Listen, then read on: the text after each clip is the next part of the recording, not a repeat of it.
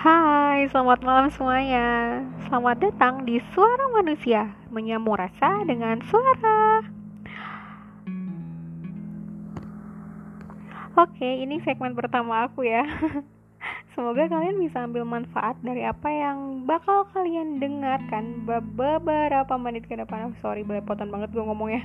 Tema kali ini adalah teman atau sahabat atau teman dekat aku yakin banget sih ya kalian pasti pernah dengar nih quotes yang bilang semakin tua kita semakin sedikit teman atau sahabat kita yang stay. Menurut kalian apa sih yang buat semua itu terjadi? Masih ingat gak sih dulu waktu SD SMP banyak banget temen berseliweran tuh di mana-mana. Berasa setiap keluar rumah entah itu mau jajan uh, jalan bareng keluarga atau cuma nongkrong dekat depan rumah pasti ada aja temen yang lewat sambil nyapa ya nggak sih? Kalian ngerasain itu juga nggak? Kebetulan ya kebetulan nih aku mau cerita sedikit. Rumah aku itu di pinggir jalan banget. Makanya sorry ya kalau misalkan terada berisik. Ada suara motor suara mobil lah. Sorry banget ya. Nah jadi rumah aku tuh di pinggir jalan banget. Jadi dulu setiap sore aku tuh sering banget main di halaman depan rumah.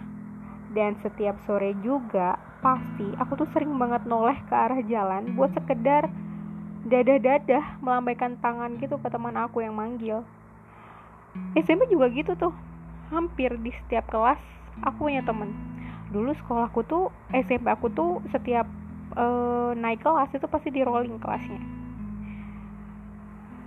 Dan otomatis itu buat aku punya banyak teman. Jadi di setiap kelas aku ada teman. Dan di satu kelas itu misalkan nih aku sekelas sama si A biasanya aku selalu punya teman deket di kelas itu.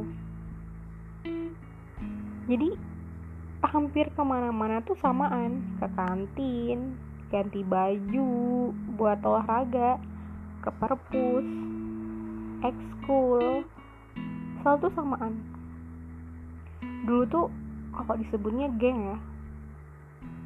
Padahal tuh bukan geng sih.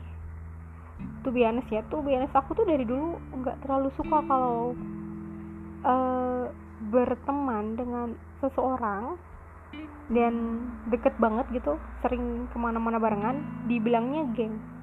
Di otak aku tuh konsep konsep lagi. Di otak aku tuh konsep geng itu tuh brutal banget. Suka ngelabrak lah sok berkuasa lah. Ini kayaknya efek sinetron deh ya. Dan lain-lain. Pokoknya yang jelek-jelek lah gitu. Dan aku berteman bukan buat itu.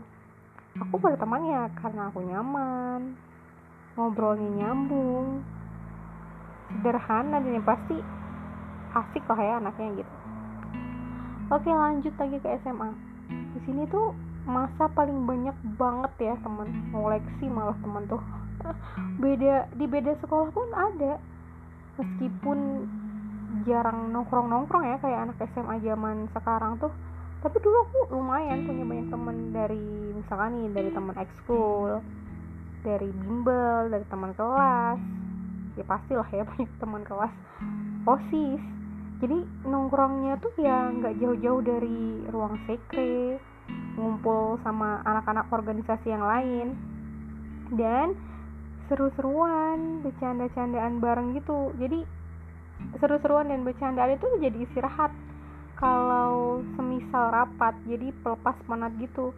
Kan kita rapat untuk event sekolah atau event eskul. Nah itu tuh jadi pelepas penat banget lah. Bisa seru-seruan dan bercanda-candaan bareng mereka. Dan pasti punya teman yang deket yang biasanya selalu samaan. Ya gak sih? Lucu banget ya. Dan selanjutnya masa-masa kuliah.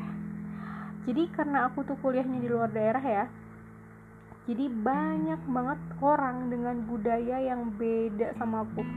Awalnya aku tuh seneng banget bisa mengenal mereka tapi itu juga artinya aku butuh effort yang lebih untuk beradaptasi karena karena aku tuh dulu anaknya introvert banget ya. Jarang mau kenalan duluan. Jarang mau ngobrol duluan. Jarang mau deketin orang duluan. Pasti apa apa tuh selalu nunggu. Kalau misalkan orang nggak mau deket sama aku ya udah nggak apa-apa. Aku sendiri mainnya kayak gitu gitu beda tapi ini beda banget sama masa aku kuliah. Soalnya kalau nggak gitu kalau nggak SKSD sok kenal sok dekat dijamin aku nggak punya temen. Iya kan? Susah tau gak sih? Bergaul sama orang yang background budaya dan daerahnya tuh beda gitu. Meskipun bisa dibilang kalau misal kalian SD, SMP, SMA itu di tempat yang berbeda-beda pasti harus beradaptasi lagi kan. Nah ini di luar daerah pasti kalian punya effort yang lebih gitu untuk beradaptasi. Ya nggak sih? Atau cuma aku doang ya? Ya tapi nggak aku rasain gitu sih. Nah balik lagi nih ke pertanyaan aku yang di awal tadi. Apa sih yang membuat semakin dewasa kita tuh semakin dikit teman-teman yang bertahan sama kita? Menurutku tuh menurutku sih cuma satu. Karena kita berubah. Entah itu berubah menjadi lebih baik atau sebaliknya yang pasti kita berubah. Apa aja yang berubah? Misalkan sudah dipastikan cara berpikir kita pasti berubah. Cara menyikapi sesuatu itu pun berubah. Lingkungan kita apalagi berubah drastis. Itu alasan krusial kenapa hal tersebut bisa terjadi. Apalagi nih ya kalau misalkan kita temenan terus ditimpa masalah gitu. Buat kalian mungkin yang pernah menjalin pertemanan persahabatan bertahun-tahun pasti pernah dong ya ngerasa nggak cocok atau cekcok karena masalah yang mungkin bisa dibilang sepele. Nah, itu tuh salah satu ujian sebenarnya dalam pertemanan. Apakah mereka bisa stay dengan memaklumi tabiat kita atau enggak? Atau mungkin kita yang memaklumi mereka? Atau malah pergi? Pilihannya ada dua, stay atau pergi. Tanpa coba tanpa mencoba untuk memperbaiki atau mengklarifikasi masalah tersebut. Karena menurut aku tuh semua masalah itu bisa diselesaikan pasti itu. Dengan syaratnya menurunkan ego. Semua masalah itu hanya sebuah kesalahpahaman. Salah paham karena persepsi dan ego masing-masing. Coba nih ya coba persepsi disatukan dan ego ditanggalkan pasti masalah itu bisa selesai. Bahkan bahkan bisa menemukan jalan keluar uh, untuk masalah-masalah yang lain. Ya nggak sih? Pernah nggak sih kalian kayak gitu? Sebenarnya tuh ya kunci dari sebuah hubungan entah itu hubungan pertemanan persahabatan pacaran. Kunci itu cuma satu menurut aku ya menerima. Menerima kekurangan menerima dikritik menerima untuk dikoreksi menerima untuk untuk apa ya? Ya pokoknya saling menerima lah. Percaya deh kritikan itu tuh tidak melulu artinya dinyinyirin. Ya nggak sih? Tapi kadang ada kebenaran yang tersirat di dalamnya. Cuma kadang kita tuh belum berpikir matang udah malu udah insecure udah merasa dihina udah merasa direndahkan dan merasa orang yang kritik kita tuh gak suka sama kita benci sama kita iri sama kita. Malah juga bikin kita down gitu. Padahal tuh maksudnya baik. Kita sel selaku sesama manusia itu harus saling mengingatkan kan ya. Nah mungkin kitanya aja kali ya yang baper gitu ya. Kalau bahasa sekarang sih baper ya. Tapi ya itu kunci dari sebuah hubungan adalah menerima menerima dengan lapang dada. Jadi buat kalian yang punya teman sahabat teman deket atau apalah namanya yang masih berdiri sampai saat ini buat kalian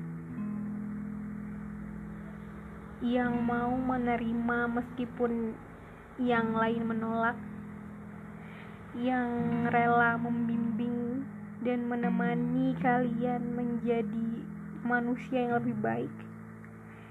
Yang melihat kalian sebagai sebuah bunga mawar meskipun yang lain melihat kalian sebagai duri yang masih menerima hitam di lembar putih kehidupan kalian. Nah, keren banget bahasa gue sekarang nih kapan pun kalian denger podcast ini.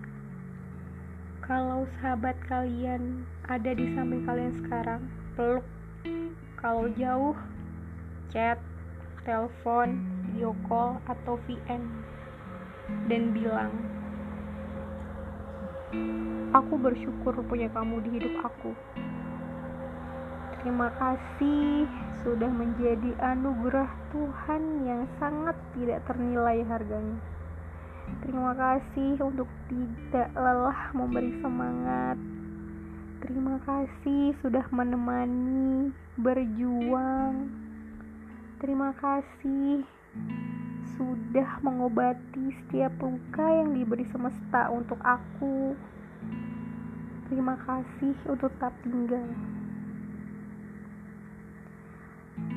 Selalu terus hadir ya, meski jarak dan waktu memisahkan. Baru podcast pertama udah melo-melo gini oke okay, semoga ada manfaatnya ya yang aku bilangin. Semoga kalian selalu langgeng sama teman sahabat atau mungkin pacar kalian. Semoga kalian selalu berbahagia. Oke okay?